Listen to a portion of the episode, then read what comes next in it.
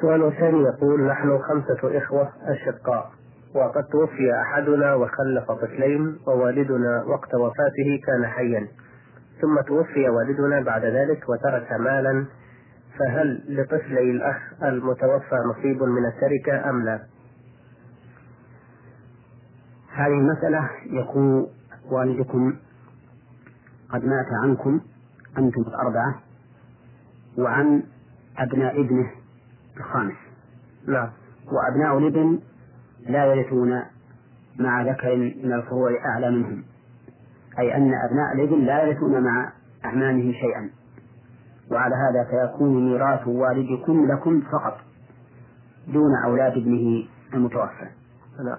نعم السؤال الأخير يقول توفي شخص عن والده ووالدته وابنتين. وترك مالا فهل يرث والده ووالدته؟ وكيف نقسم تركته بين الورثة؟ إذا مات مات ميت عن أمه وأبيه وبناته فإن الكل يرث. نعم. ويكون التقسيم كالآتي. للبنات الثلثان. وللأم السدس وللأب السدس. نعم. يعني إلى كم ينقسم المال؟ من ستة أسهم نعم. يكون للبنات أربعة أسهم وللأم سهم وللأب سهم. لو فرضنا أن الزوجة موجودة هو لم يوضح هذا في رسالته لكن ربما كان سهوا. إذا فرضنا أن الزوجة موجودة فإنه تقسم المسألة من سبعة وعشرين سهما. نعم. يكون للبنات ستة عشر سهما. وللأم أربعة أسهم وللأب أربعة أسهم وللزوجة ثلاثة أسهم. نعم. لها الثمن الزوجة. لها الثمن عائلا. كل من هؤلاء الورثة نصيبهم عائل نعم. لأن الفروض زادت على المسألة. وإذا زادت على الأصل المسألة من 24 المسألة في الأصل. نعم. وإذا زادت على المسألة فإنه تعول. نعم. بارك الله فيكم. آه هذا سؤال من السائل سيد أحمد حسن مصري مقيم بالمملكة. يقول أنا أعمل مع أحد رجال الأعمال وقد فرض علي إما أن أدفع له كل شهر من معاشي مبلغا معينا لأنه أحضرني بعقد عمل من بلدي وإما أن أدفع له قيمة العقد كاملة ما يعادل ثمانية آلاف ريال وأكون حرا في العمل في أي موقع أختاره. وأنا لا أملك هذا المبلغ الضخم وسوف أفوض أمري إلى الله وأدفع له كل شهر المبلغ الذي طلبه مني وإلا فسيقوم بإرجاعي إلى بلدي مرة أخرى. فهل يحل له أخذ هذا المال الذي هو من كسبي وعرق جبيني؟ هذه المشكلة التي صارت لهذا العامل هي مشكلة موجودة في كثير من أمثاله. نعم. وذلك أن بعض الناس يجلبون العمال قد يكون على وجه مزور لدى الحكومة ثم يفرضون على هؤلاء العمال شيئا مقدرا يأخذونه منهم كل شهر أو شيئا معينا مشاعا مما يعملونه كعشرين في المئة وما أشبهها. وهذه العملية عملية محرمة لأنها مخالفة لما حصل الاتفاق عليه بين هذا العامل الجالب وبين الحكومة. فالحكومة وفقها الله لها نظام في هذا في هذا الأمر نظام معين يجب على الجالب لهؤلاء العمال أن يتمشى عليه. نعم. لا يقول مثلا إنه إذا كان الأمر جائزا في الشرع فإنه يجوز لي أن أفعله لأننا نقول إن الشرع أمر بالوفاء بالعقود. فقال الله تعالى يا أيها الذين آمنوا أوفوا بالعقود. وقال تعالى وأوفوا بالعهد. إن العهد كان مسؤولا. فإذا كنت دخلت هؤلاء العمال إلى المملكة العربية السعودية على شرط بينك وبين الجهات المسؤولة فإنه لا يجوز لك أن تخالف هذا الشرط. لأمر الله تعالى بالوفاء بالعقود. وكذلك الوفاء بالعهد. والحكومة وفقها الله إنما اشترطت الشروط المعينة في جلب العمال من أجل مصلحة المنتفعين بهذا العمل حتى لا تزداد الأجور. لأنه إذا كان العامل قد قدم به إلى هذه البلاد بأجرة شهرية زهيدة فإنه سوف يكون عمل الكفيل له عند الناس بأجر أقل. نظرا إلى أنه رابح. أما إذا جعل هذا العامل يشتغل بالنسبة أو يشتغل بقدر معين فإن هذا الغرض الذي ترمي إليه الحكومة بنظامها يفوت على المواطنين. وعلى كل حال فإني أنصح إخواننا أولئك الذين يجلبون هؤلاء العمال أنصحهم بأن يتقوا الله سبحانه وتعالى فيهم وأن يتقوا الله تعالى في حكومتهم وشعبهم. وأن لا يزوروا ويلبسوا أو يخالفوا ما كان منظما من قبل الحكومة لأنه يقصد به المصلحة. وقد قال الله تعالى يا أيها الذين آمنوا أطيعوا الله وأطيعوا الرسول وأولي الأمر منكم. فكل ما أمرت به الحكومة أو نظمته مما لا يخالف كتاب الله وسنة رسوله صلى الله عليه وسلم فإن العمل به عمل بكتاب الله وواجب على الرعية أن يقوموا به كقوله تعالى أطيعوا الله وأطيعوا الرسول وأولي الأمر منكم. هذا ما أريد توجيهه إلى إخواننا الذين يجلبون هؤلاء العمال. جزاكم الله خيرا. هذه رسالة من السائلة عزة حسن الشهري من أبها المجاردة. تقول كان لها زوج عاشت معه مدة لا تقل عن خمس وثلاثين سنة. وكان يقوم بكل حقوقها الشرعية إلى درجة أنه يشركها معه في صدقته أو صلاته. فتسأل هل يجوز لها أن تتبع صلاتها بركعتين يكون ثوابهما لزوجها وما هي الأعمال التي تفعلها ويصل ثوابها إلى زوجها؟ هذه مسألة مبنية على إهداء القرب للأموات. نعم. بمعنى إهداء الثواب ثواب العمل.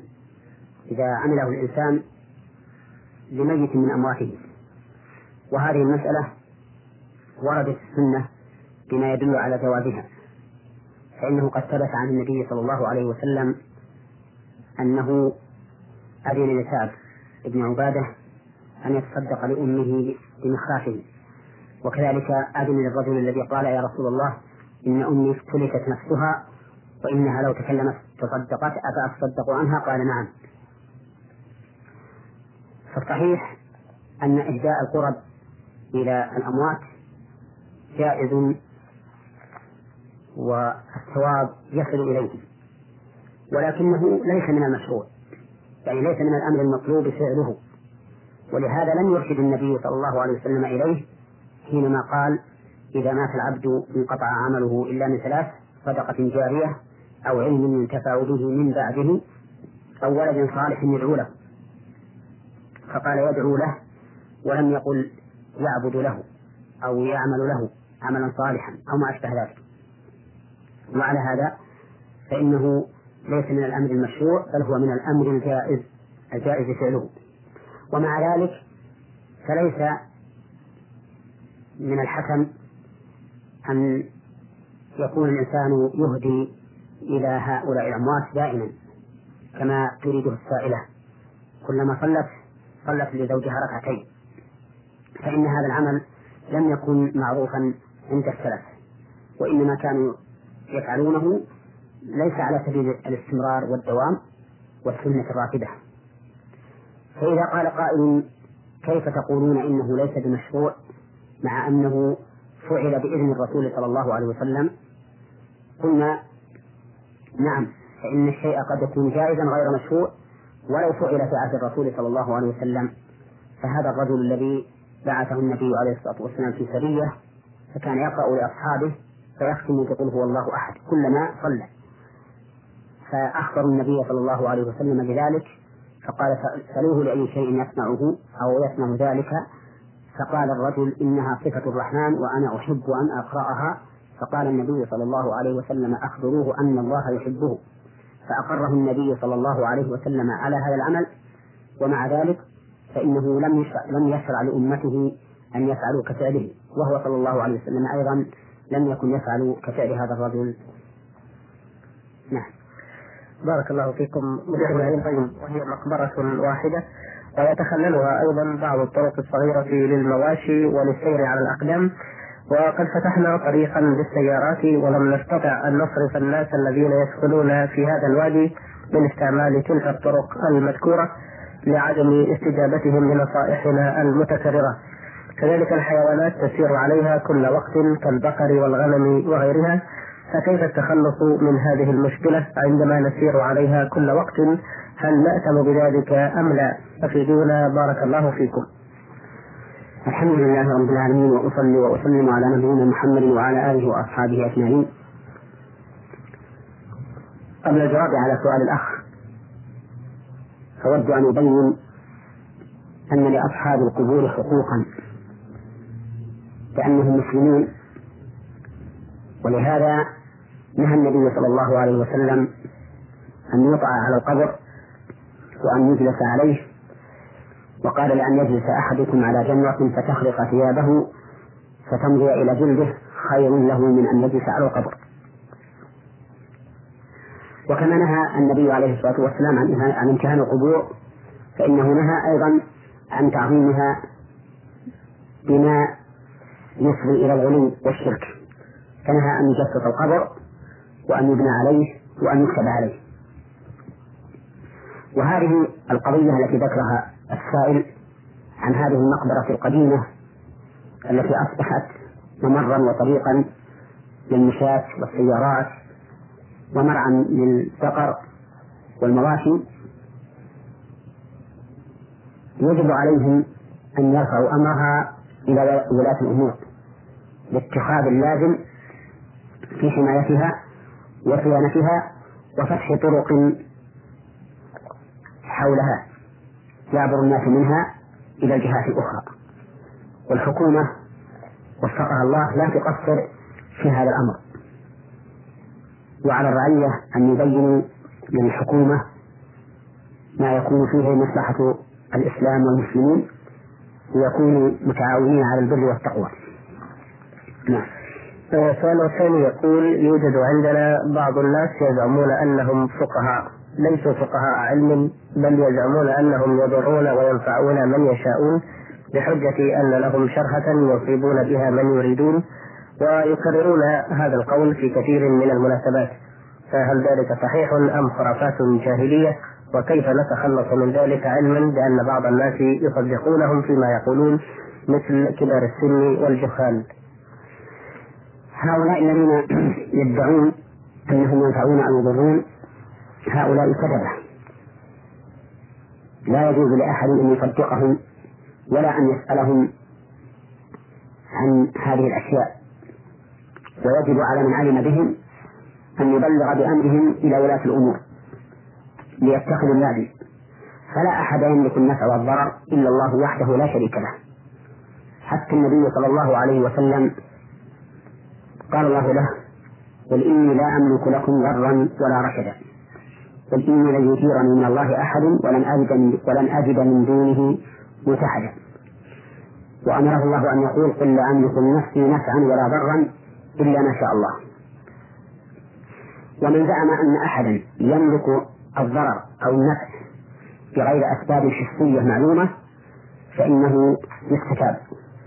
فإن تاب وإلا قتل لأنه مكذب لله تعالى ولرسوله صلى الله عليه وسلم. وإني أقول لهؤلاء الذين يتوهمون صدق ما قاله هؤلاء الدجاجلة أقول لهم اثبتوا على إيمانكم ودينكم. واعلموا أنه لا يملك أحد الضرر والنفع إلا الله وحده لا شريك له. وقد ثبت عن النبي صلى الله عليه وسلم أنه قال لابن عباس قال له واعلم أن الأمة لو اجتمعوا على أن يضروا على أن ينفعوك بشيء لم ينفعوك إلا بشيء قد كتبه الله لك. ولو اجتمعوا على أن يضروك بشيء لم يضروك إلا بشيء قد كتبه الله عليك. وفي القرآن الكريم لما ذكر الله السحرة قال وما هم بضارين به من أحد إلا بإذن الله. فالمهم أن هؤلاء كذبة فيما ادعوه من كونهم يملكون النفع والضرر فإن ذلك إلى الله وحده لا شريك له. وعليهم أن يتوبوا إلى الله من هذا العمل وأن يعترفوا بقصورهم وبتقصيرهم وأنهم ضعفاء أمام قدرة الله وأنهم لا يملكون دفع الضرر عن أنفسهم هم فضلا عن غيرهم. كما لا يملكون لأنفسهم جلب نفع فضلا عن جلبه لغيرهم إلا ما شاء الله سبحانه وتعالى. وعلى من حولهم ممن يتوهمون صدقهم أن يتوبوا إلى الله تعالى في تصديقهم وأن يعلموا أنهم كذبة ولا حق ولا حق لهم ولا حظ لهم أيضا في مثل هذه الأمور. جزاكم الله خيرا. هذه رسالة من السائل عين عين يا من تعز.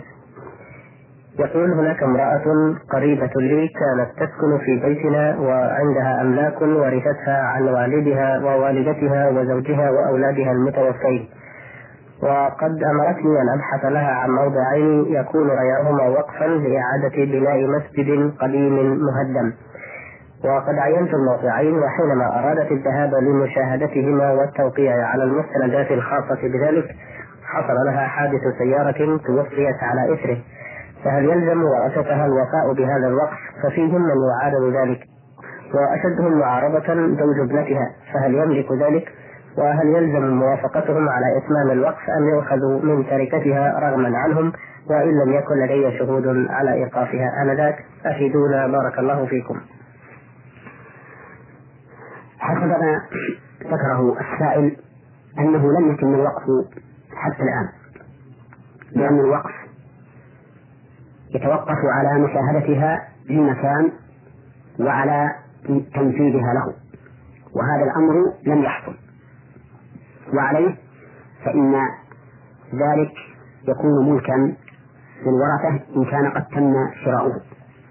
وإن لم يتم شراؤه فإن الأمر فيه واضح.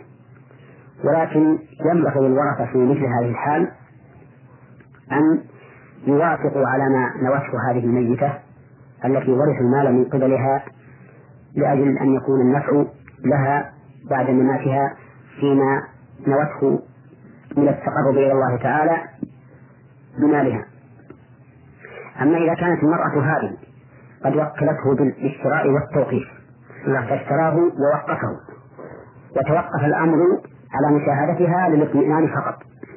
فإن الوقف حينئذ يكون نافذا ولا حق لأحد في المعارضة فيه لأنه قد تم بواسطة التوكيل لهذا الوكيل المفوض والذي أمضى ما وكل فيه. إلا أنه أراد أن تطمئن هذه الموقفة على المكان الذي عينه ونفذ فيه الوقف. لو فرضنا أن آه، المضي في إثبات الوقف كان يترتب على زيارتها تلك فوافق الورثة جميعهم ما عدا زوج هذه البنت. هل يملك الحق في المعارضة؟ زوج البنت لا يملك الحق في المعارضة وذلك لأنه لا حق له في هذا المال. نعم. وإنما الحق لزوجته لأنها ابنة متوفاة. وزوجته أيضا لا يلزمها طاعته في هذا الأمر. أي لو قال لها لا تنفذي هذا فإنه لا يلزمها طاعته فيه لأن الزوجة حرة في مالها وليس محجورا عليها فيه بل هي تتصرف فيه كما شاءت إذا كانت رشيدة. نعم. نعم. بارك الله فيكم. هذا سؤال من المستمعة ابتسام محمد أحمد من العراق الأنبار. تقول ما معنى قوله تعالى وترى الجبال تحسبها جامدة وهي تمر مر السحاب صنع الله الذي أتقن كل شيء. وهل يستدل بهذه الآية على صحة القول بدوران الأرض؟ قبل الإجابة على هذا السؤال أعلق على الجواب السابق. نعم وهو أنه إذا لم يثبت ما ذكر ببينة حين ذكره السائل من أن هذه المرأة وكلته على الحصول على أرض توقفها إذا لم يثبت هذا ببينة فإنه لا بد من تصديق الورثة بدعوى هذا الوكيل فإن لم يصدقوه لم يثبت شيء. لا. أما بالنسبة لسؤال المرأة عن قوله تعالى وترى الجبال تحسبها جامدة وهي تمر مر السحاب صنع الله الذي أتقن كل شيء إنه خبير بما تفعلون. فهذه الآية في يوم القيامة. لأن الله ذكرها بعد ذكر النفخ في الصور. فقال ويوم, ويوم ينفخ في الصور ففزع من في السماوات ومن في الأرض إلا من شاء الله وكل أتوه داخلين وترى الجبال تحسبها جامدة وهي تمر مر السحاب. صنع الله الذي أتقن كل شيء إنه خبير بما تفعلون. من جاء بالحسنة فله خير منها وهم من فزع يومئذ آمنين. فالآية هذه في يوم القيامة بدليل ما قبلها وما بعدها. وليست في الدنيا. وقوله تحسبها جامدة أي ساكنة لا تتحرك ولكنها تمر مر السحاب لأنها تكون هباء منثورا يتطاير. نعم. وأما الاستدلال بها على صحة دوران الأرض فليس كذلك؟ هذا الاستدلال غير صحيح لما ذكرنا من أنها تكون يوم القيامة. ومسألة دوران الأرض وعدم دورانها الخوض فيها في الواقع من فضول العلم لأنها ليست مسألة يتعين على العباد العلم بها ويتوقف صحة إيمانهم على ذلك. ولو كانت هكذا لكان بيانها في القرآن والسنة بيانا ظاهرا لا خفاء لا خفاء فيه. وحيث إن الأمر هكذا فإنه لا ينبغي أن يسأل الإنسان نفسه في الخوض بذلك.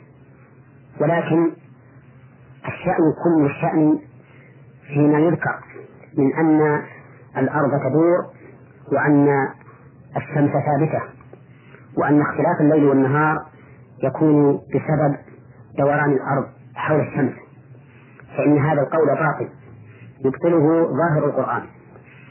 فإن ظاهر القرآن والسنة يدل على أن الذي يدور حول الأرض أو يدور على الأرض هي الشمس.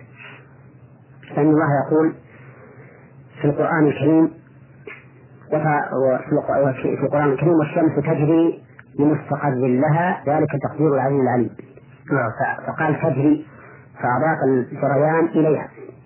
وقال تعالى وترى الشمس إذا طلعت تداور عن كهفهم ذات اليمين وإذا غربت تقرضهم ذات الشمال.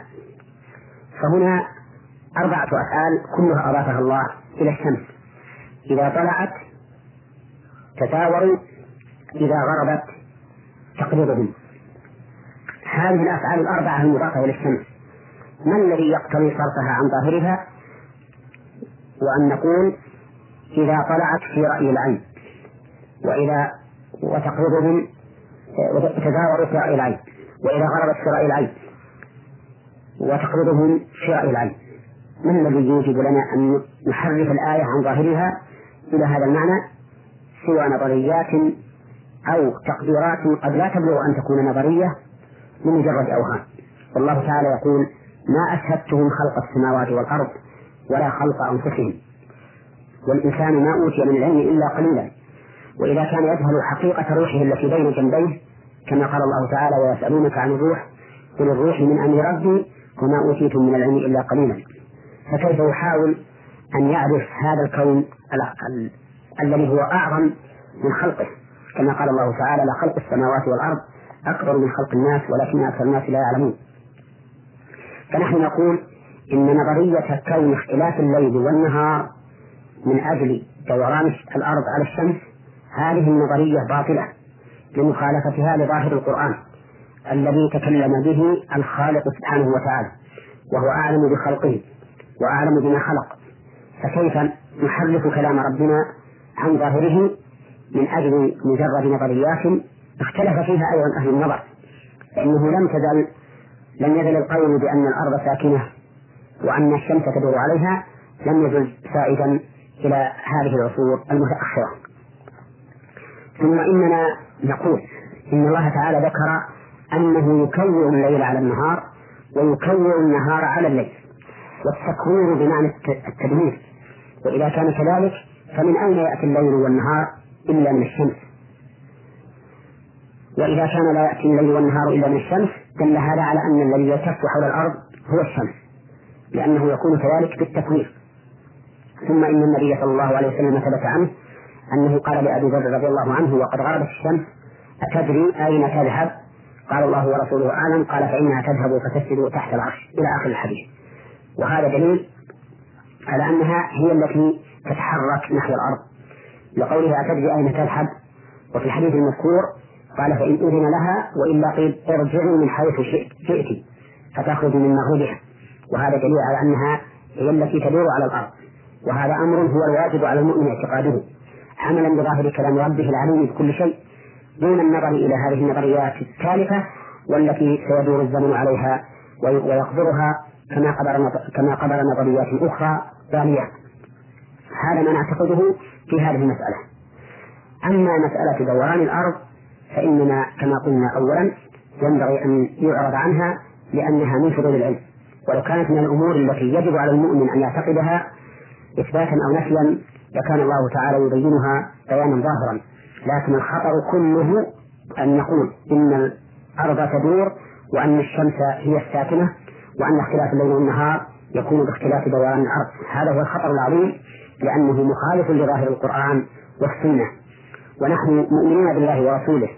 نعلم أن الله تعالى ورسوله أن الله تعالى يتكلم عن علم. وأنه لا يمكن أن يكون ظاهر كلامه خلاف الحق.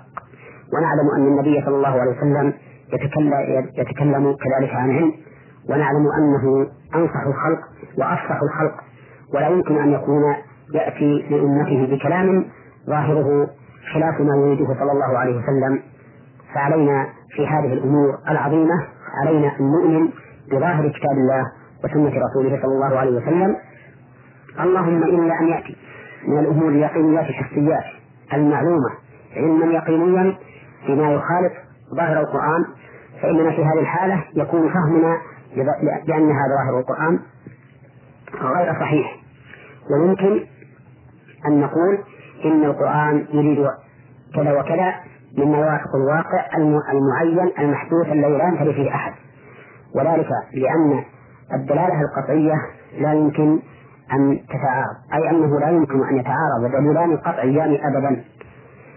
إذ أنه لو لو تعارضا لأمكن رفع أحدهما بالآخر.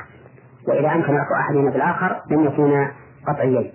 والمهم أنه يجب علينا في هذه المسألة أن نؤمن بأن الشمس تدور على الأرض وأن اختلاف الليل والنهار ليس بسبب دوران الأرض ولكنه بسبب دوران الشمس حرام أحسن الله بكم وأتابكم أيها الإخوة الكرام عرضنا رسائل في حلقتنا اليوم على فضيلة الشيخ محمد بن صالح العثيمين المدرس بكلية الشريعة بجامعة الإمام محمد بن سعود الإسلامية في القصيم. وإمام وخطيب المسجد الجامع الكبير بانيزة وقد أجاب جزاه الله خيرا عن أسئلة الإخوة حمدان حامد الهلالي من وادي ضعان والمستمع عين عين ياء من تعز والأخت المستمعة ابتسام محمد أحمد من العراق الأنبار. يتوضؤون داخل الحمامات المخصصة لقضاء الحاجة فيخرجون وقد ابتلت ملابسهم ولا شك أن الحمامات لا تخلو من النجاسات. فهل تصح الصلاة في ملابسهم تلك وهل يجوز لهم فعلهم ذلك؟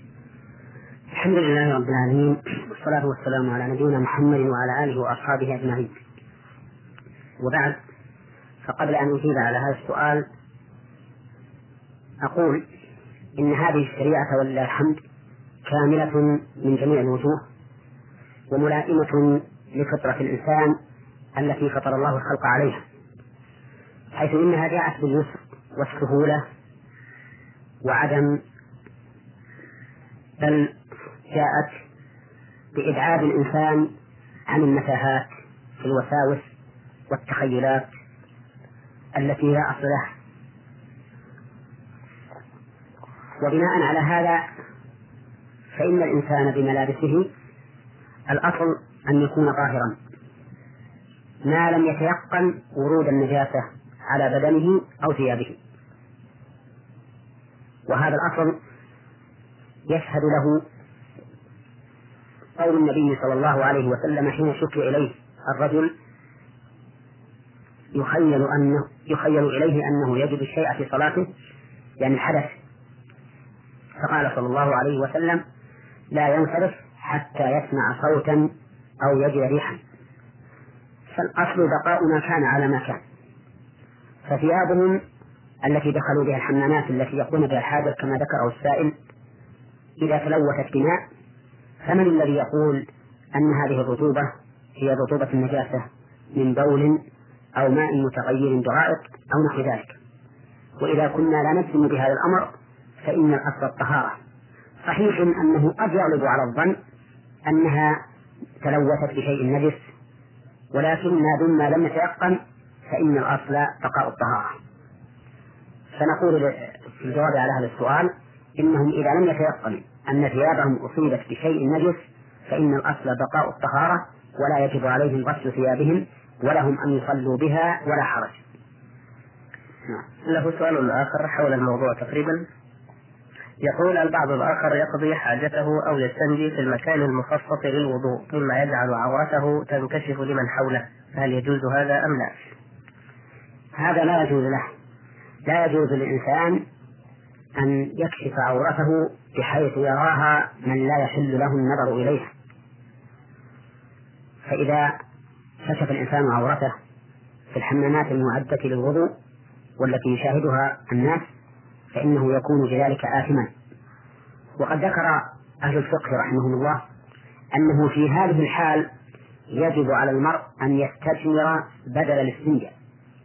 بمعنى أن يقضي حاجته بعيدا عن الناس وأن يستثمر بالأحجار أو بالمناديل ونحوها مما يباح الاستجمار به حتى ينقي محل الخارج بثلاث مساحات فأكثر. قالوا إنما يجب ذلك لأنه لو كشف عورته للاستنجاء لظهرت للناس وهذا أمر محرم. وما لا يمكن تلافي المحرم إلا به فإنه يكون واجبا. وعلى هذا فنقول في الجواب إنه لا يجوز للمرء أن يتكشف أمام الناظرين لاستنجاء بل يحاول أن يكون في محل لا يراه أحد. نعم. بارك الله فيكم. هذا سؤال من المستمع إبراهيم محمد الخالدي من الدمام. يقول ما هي العلة في النهي عن إفراد يوم الجمعة بالصيام دون أن يتقدمه بيوم أو يصوم بعده يوما علما أنه أفضل أيام الأسبوع؟ وهل هذا النهي خاص بصيام التطوع أم حتى لو كان صيام قضاء؟ ثبت عن النبي صلى الله عليه وسلم أنه قال لا تخصوا يوم الجمعة بصيام ولا ليلتها بقيام. نعم. والحكمة في النهي عن تخصيص يوم الجمعة بالصيام أن يوم الجمعة عيد للأسبوع فهو أحد الأعياد الشرعية الثلاثة لأن الإسلام فيه أعياد ثلاثة هي عيد الفطر من رمضان وعيد الأضحى وعيد الأسبوع وهو يوم الجمعة. فمن أجل هذا نهي عن إفراده بالصوم. ولأن يوم الجمعة يوم ينبغي فيه للرجال التقدم إلى صلاة الجمعة والاشتغال بالدعاء والذكر فهو شبيه بيوم عرفة الذي لا يشرع للحاج أن يصومه لأنه مشتغل بالدعاء والذكر. ومن المعلوم أنه عند تزاحم العبادات التي يمكن تأجيل بعضها يقدم ما لا يمكن تأجيله على ما يمكن تأجيله فإذا قال قائل إن هذا التعليل بكونه عيدا للأسبوع يقتضي أن يكون صومه محرما لا إفراده فقط. قلنا لكنه نعم كيوم العيدين. قلنا إنه يختلف عن يوم العيدين لأنه يتكرر في كل شهر أربع مرات. فلهذا لم يكن النهي فيه على التحريم. ثم هناك أيضا معاني أخرى في العيدين لا توجد في يوم الجمعة. وأما إذا صام يوما قبله أو يوما بعده فإن الصيام حينئذ يعلم بأنه ليس الغرض منه تخصيص يوم الجمعة بالصوم لأنه صام يوما قبله وهو يوم الخميس أو يوم بعده وهو يوم السبت. وأما سؤال السائل هل هذا خاص بالنفل أم يعم حتى القضاء؟ فإن ظاهر الأدلة العموم وأنه يكره تخصيصه بالصوم سواء كان لفريضة أو نافلة. اللهم إلا أن يكون الإنسان صاحب عمل لا يفرغ من العمل ولا يتسنى له أن يقضي صومه إلا في يوم الجمعة فحينئذ لا يكره له أن يفرده بالصوم لأنه محتاج إلى ذلك. نعم. آه هذا سؤال من المستمع محمد. أحمد محمد سوداني مقيم بالطائف. يقول أنا رجل متزوج وذات يوم حصل بيني وبين زوجتي نقاش وكان أخي موجودا معنا فغضبت منها فقلت طلقتك فقال أخي مرجوعة فقلت لا غير رجعة إلا بعد سنة فهل يقع طلاق في مثل هذه الحالة؟ فبعض الناس يقولون إذا قال الزوج هي طالق وقال من بحضرته مرجوعة فإنها تعتبر مرجوعة. فهل هذا صحيح؟ وماذا علي الآن أن أفعله؟ أفيدونا جزاكم الله خيرا. ما دمت قد طلقت زوجتك فإنه لا يملك أحد إرجاعها إليك إلا أنت فقط. فالطلاق إليك والإرجاع إليك. وقول أخيك إنها مرفوعة لا تثبت به الرجعة. بل لو قاله من هو أقرب إلى أخيك؟ إليك من أخيك كأبيك وابنك مثلا؟ فإن ذلك لا يعتبر رجعة. الرجعة إليك وحدك وعلى هذا فإنك لما قلت لزوجتك إنها مطلقة تكون طالقا فالآن إن كانت في العدة والطلاق رجعيا فإنها فإنه يمكنك أن تراجعها فتقول راجعت زوجتي أو تخاطبها فتقول قد ارتجعت قد ارتجعتك. أو رددتك أو ما أشبه ذلك مما يفهم منه الرجوع. وإذا لم تكن بحضرتك فإنه ينبغي أن تشهد على ذلك رجلين من المسلمين. بل حتى لو كانت بحضرتك وحولها أحد يمكن أن تشهد فهو أولى لأجل أن يكون الأمر بينا واضحا. كقوله تعالى فأمسكوهن بمعروف أو فارقوهن بمعروف وأشهدوا ذوي عدل منكم. أما إذا كانت قد انقضت عدتها قبل أن تراجعها أنت فإنها لا تحل لك إلا بعقد جديد كأنك خطبتها الآن. فلا بد أن يعقد النكاح لك وليها ويكون وتتم بقية الشروط المعتبرة في النكاح.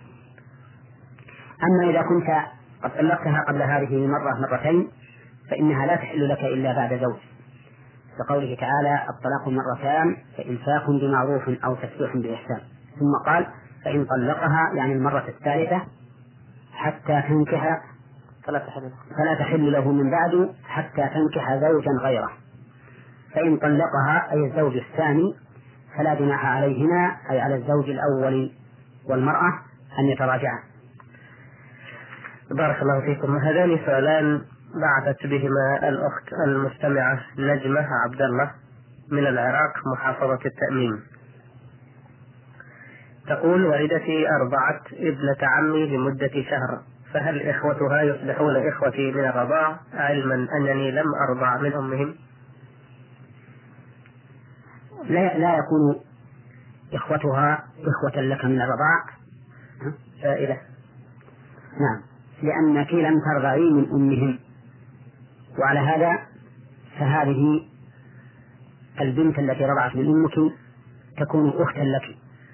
وأختا لجميع أولاد أمك الذين ولدوا قبلها والذين ولدوا بعدها.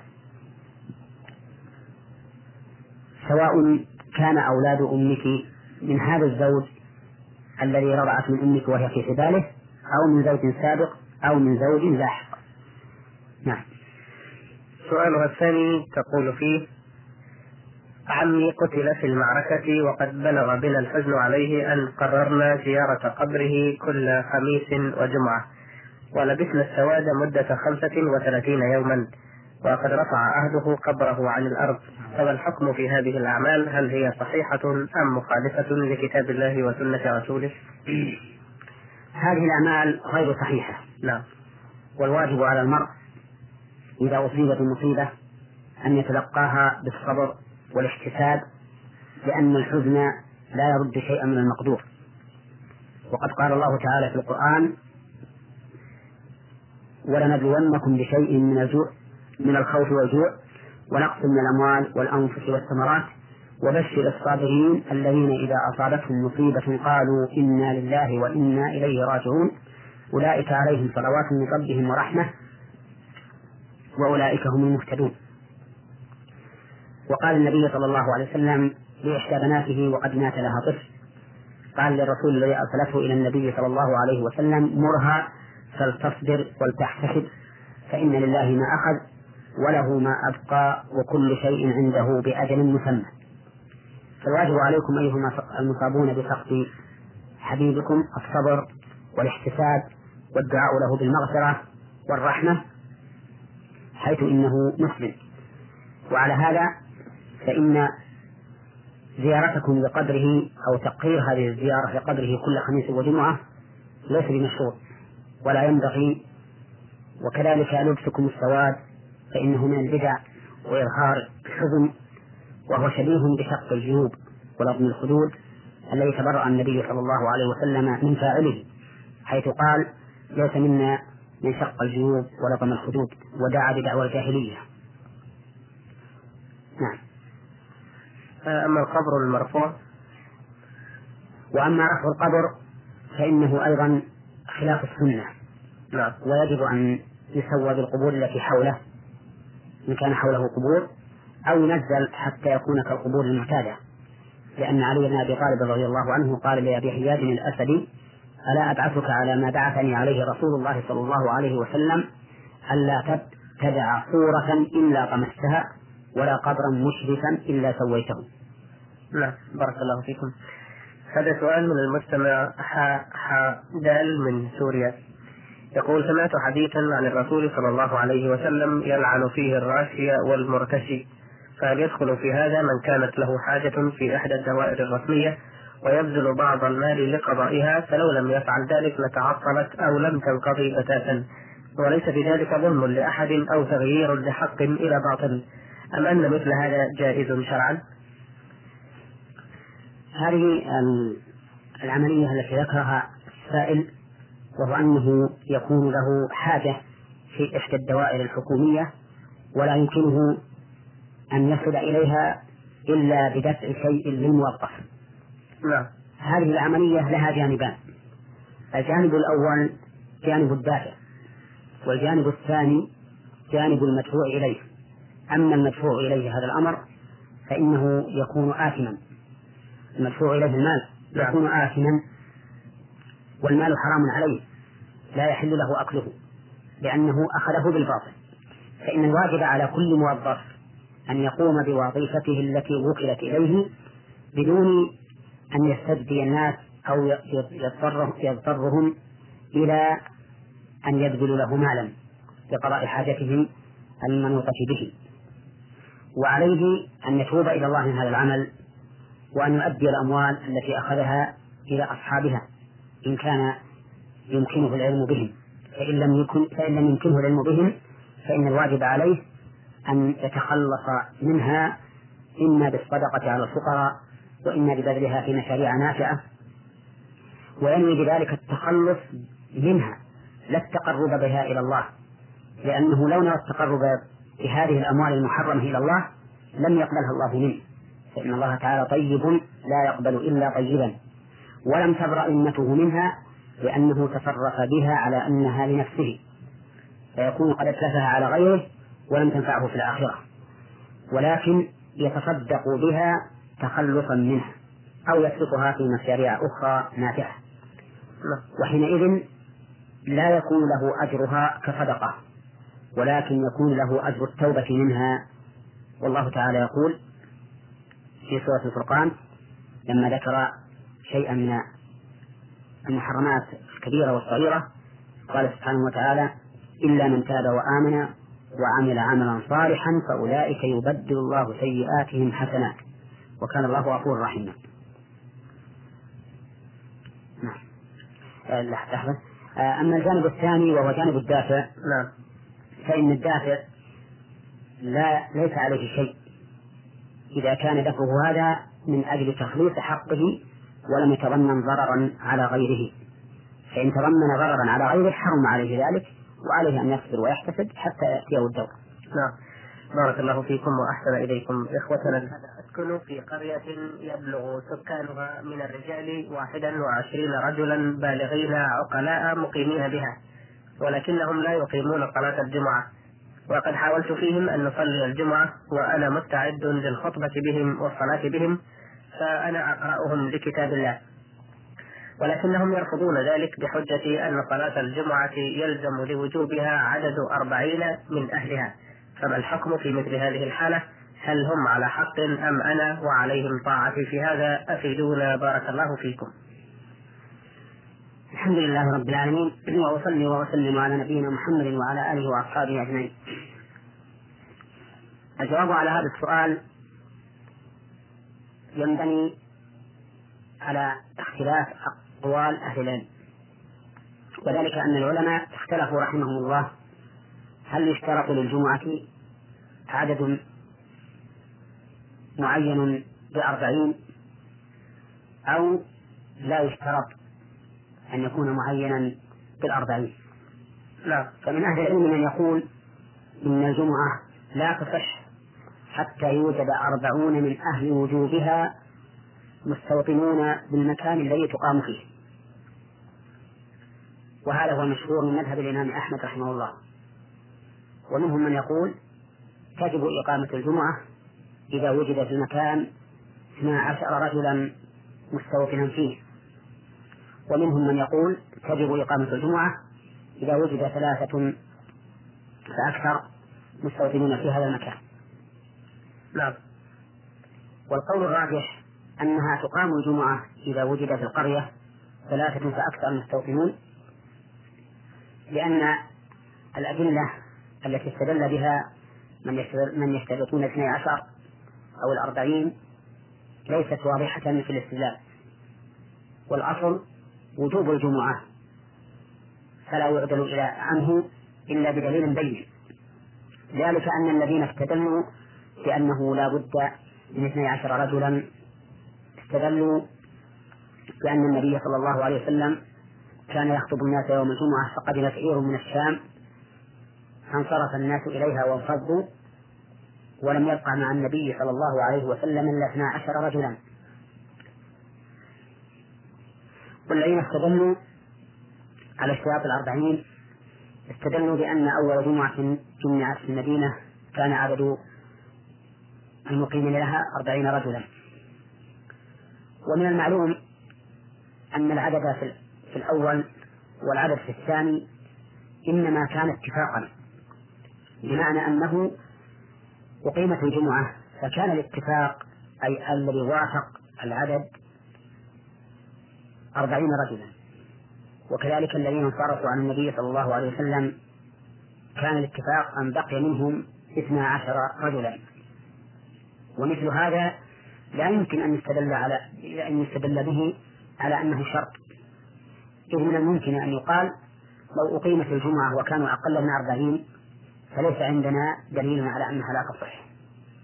ولو أنهم انفضوا فلم يبقى إلا عشرة فليس عندنا دليل أنها الجمعة لا تصح. نعم. كما أنه لو بقي أكثر من اثني عشر أو كانوا عند إقامة الجمعة أكثر من أربعين لم يمكننا أن نقول إنه يشترط أن أن يزيدوا على اثني عشر أو يزيدوا عن أربعين.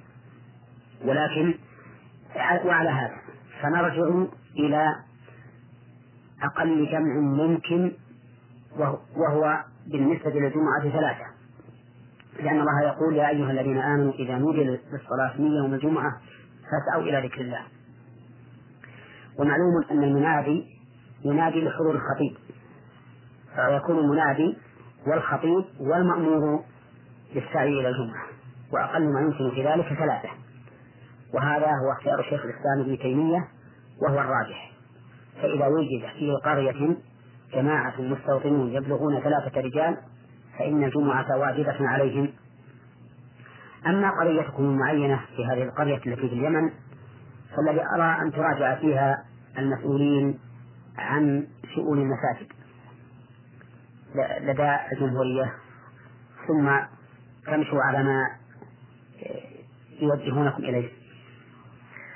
نعم هذا سؤال من السائل محمد عقاب زيدان من العراق. أو عقاب يقول والدتي لها ولد واحد ولها أربع بنات أنجبت توأم بنات في إحدى المرات وابنتين أخريين فغضبت لكثرة البنات ولم, ولم تنجب ولدا فأرضعت واحدة وتركت الأخرى سبعة أيام دون إرضاع فأرضعتها مرة واحدة خلال هذه الأيام السبعة فتوفيت تلك البنت فهل تعتبر هي المتسببة في ذلك وماذا عليها أن تفعله الآن؟ إن هذا الذي فعلته يعتبر إثما عليها وتسخطا من قضاء الله وقدره وهي آثمة بذلك وما يدريها فلعل الصلاح يكون في البنات ولعل البر في الحياة يكون في البنات ولعل الخير والأجر يكون في البنات نعم. وربما لا ينفع الميت بعد موته إلا بناته وهذا خطأ منها وإثم وتعتبر هي القاتلة لها. وقد أخبر النبي صلى الله عليه وسلم أن امرأة دخلت النار في هرة حدثتها. لا هي أطعمتها ولا هي أرسلتها تأكل من خشاش الأرض. فكيف بمن حبست هذه الطفلة والعياذ بالله؟ لا هي أرضعتها ولا دفعتها لمن يرضعها. فهي بذلك آثمة إثما عظيما نسأل الله العافية. فعليها أن تتوب إلى الله وأن تندم على ما وقع منها من هذا العمل المحرم الذي فيه اعتداء على حرمة آدمي. والله المستعان. لا يلزمها كفارة بهذا؟ هذه عندي محل توقف. نعم. ولعلنا نراجعها إن شاء الله وننظر ما يكون فيها. إن شاء الله. آه هذان سؤالان من المستمع عبد العزيز يوسف الشحات مصري مقيم بالقصيم. يقول أنا أنوي السفر إلى بلدي ولكني أريد قبل أن أسافر أؤدي عمرة تطوعا لله تعالى. وقد أقمت بعض الأيام في جدة وأنا قادم من القصيم فهل يجوز أن أحرم بالعمرة من جدة؟ أم ماذا يجب علي أن أفعل؟ إذا كنت سافرت إلى جدة بدون نية العمرة ولكن طرأت لك العمرة وأنت في جدة فإنك تحرم منها. ولا حرج عليك. لحديث ابن عباس رضي الله عنهما حين ذكر المواقيت قال ومن كان دون ذلك فمن حيث أنشأ حتى أهل مكة من مكة. أما إذا كنت سافرت من القصيم بنية العمرة عازم عليها فإنه يجب عليك أن تحرم من الميقات الذي مررت به ولا يجوز لك إحرام من جدة لأنك دون الميقات. وقد ثبت عن النبي صلى الله عليه وسلم أنه وقت المواقيت وقال هن لهن ولمن أتى عليهن من غير أهلهم من غير ممن يريد الحج أو العمرة. فعليك إن كنت لم تفعل شيئا الآن أن ترجع إلى الميقات الذي مررت به أولا وتحرم منه ولا تحرم من جدة ولا يلزمه شيء بعد ذلك؟ لا يلزمه شيء لأنه أدى ما عليه حيث أحرم من الميقات برجوعه إليه. نعم. إنما عمرته بإحرامه من جدة لا تصح لا إذا كان قد أحرم من جدة وأدى العمرة نعم. وهو على وهو لم ينوي وهو لم ينوي العمرة إلا من جدة. بمعنى أنه كان قدومه من القصيم إلى جدة زيارة. لغير إرادة العمرة. نعم. ثم طرأ عليه فإنه لا شيء عليه أيضا لأنه أتى بما عليه. أما إذا كان عازما على أن يحرم بالعمرة ولكنه تجاوز الميقات قبل الإحرام نعم. ثم أحرم من جدة فإن عليه عند أهل العلم عليه فدية دم يذبحه في مكة ويتصدق به على الفقراء وعمرته صحيحة. لا ولا يلزمه الإعادة إحرامه من الميقات. لا يلزم. لا تلزم. بارك الله فيكم. سؤاله الثاني يقول ما معنى قوله تعالى إنا عرضنا الأمانة على السماوات والأرض والجبال فأبين أن يحملنها وأشفقن منها وحملها الإنسان إنه كان ظلوما جهولا. وما المقصود بهذه الأمانة؟ المقصود بالأمانة ما أتمن الله عباده عليه من طاعته فإن الله سبحانه وتعالى ألزمهم بالطاعة بامتثال أمره واجتناب نهيه فالتزموا بذلك بالعهد الذي بينهم وبينه بما فطرهم عليه من الإيمان به والإقرار به وبما أعطاهم من العقل وبما أرسل إليهم من الرسل. فهنا فطرة وهنا عقل وهنا رسالة. وبهذه الأمور الثلاثة كان تحمل الأمانة من الإنسان وكلف بها وعليه أن يقوم بهذه الأمانة ويعرف قدرها حيث عرضت على السماوات والأرض والجبال فأبين أن يحملنها وأشفقن منها. ولكن الإنسان تحملها وحملها فعليه أن يقوم بها وهي طاعة الله تعالى بامتثال أمره واجتناب نهيه فيما يتعلق بعبادته وفيما يتعلق بحقوق عباده. نعم. هذا سؤال من المستمعة. ها, ها من الأردن إربد. تقول قدر الله لها وتزوجت من رجل اكتشفت بعد الزواج أنه لا يصلي ولا يتقي الله في أقواله ولا أفعاله وصار له وصار لها معه سنة ونصف وأنجبت منه ولدا ذكرا. وتلبية لرغبة والده ووالدته الذين يشاهرون بالكلام المعسول وفعلهم فعل الأشرار. فقد امتنعت عن الذهاب إلى بيت أهلها علما أنه لا يبعد عنها علما أنه لا يبعد عنها سوى بمئة متر تقريبا. امتنعت عن الذهاب إلى بيت أهلها؟ نعم. فقد قال زوجها لها اختاري بيني أنا أو أهلك. فأصبحت حائرة فما ذنب أهلها حتى تقاطعهم وتنحرم منهم بدون ذنب. فتقول أرشدوني هل أقاطع أهلي وأبقى عند هذا الزوج الفاسق؟ أم أترك زوجي وطفلي وأذهب إلى بيت أهلي دون رجعة؟ هذا الزوج الذي وصفتيه بأنه زوج ليس زوجا لك. لا وذلك لأنك تزوجتيه وتبين بعد ذلك أنه كان لا يصلي وكل إنسان لا يصلي إذا عقد على امرأة فإن نكاحه لا يصح ولا تزاوج بينهما. وعلى هذا فهو يعتبر النكاح باطلا من أصله. ذلك لأن الله يقول فلا ترجعوهن إلى الكفار لا هن حل لهم ولا هم يحلون لهم. وقال تعالى ولا تنكحوا المشركين حتى يؤمنوا. ولعبد مؤمن خير من مشرك ولو أعجبكم. فنكاحك باطل وهو ليس زوجا لك وليس له عليك طاعة ويجب عليك أن تفارقيه وترجعي إلى أهلك. ثم إن هداه الله للإسلام.